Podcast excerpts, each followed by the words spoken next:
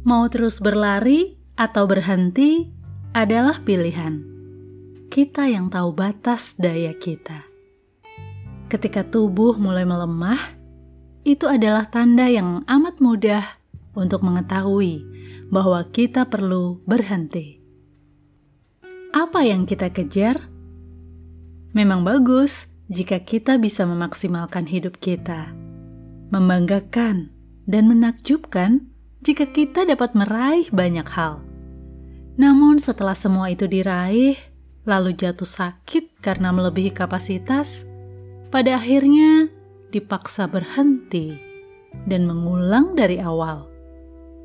Untuk apa meraih ambisi, namun pada akhirnya tidak bisa menikmatinya? Kerja keras itu baik, dan jangan lupa berbuat baiklah juga pada tubuh kita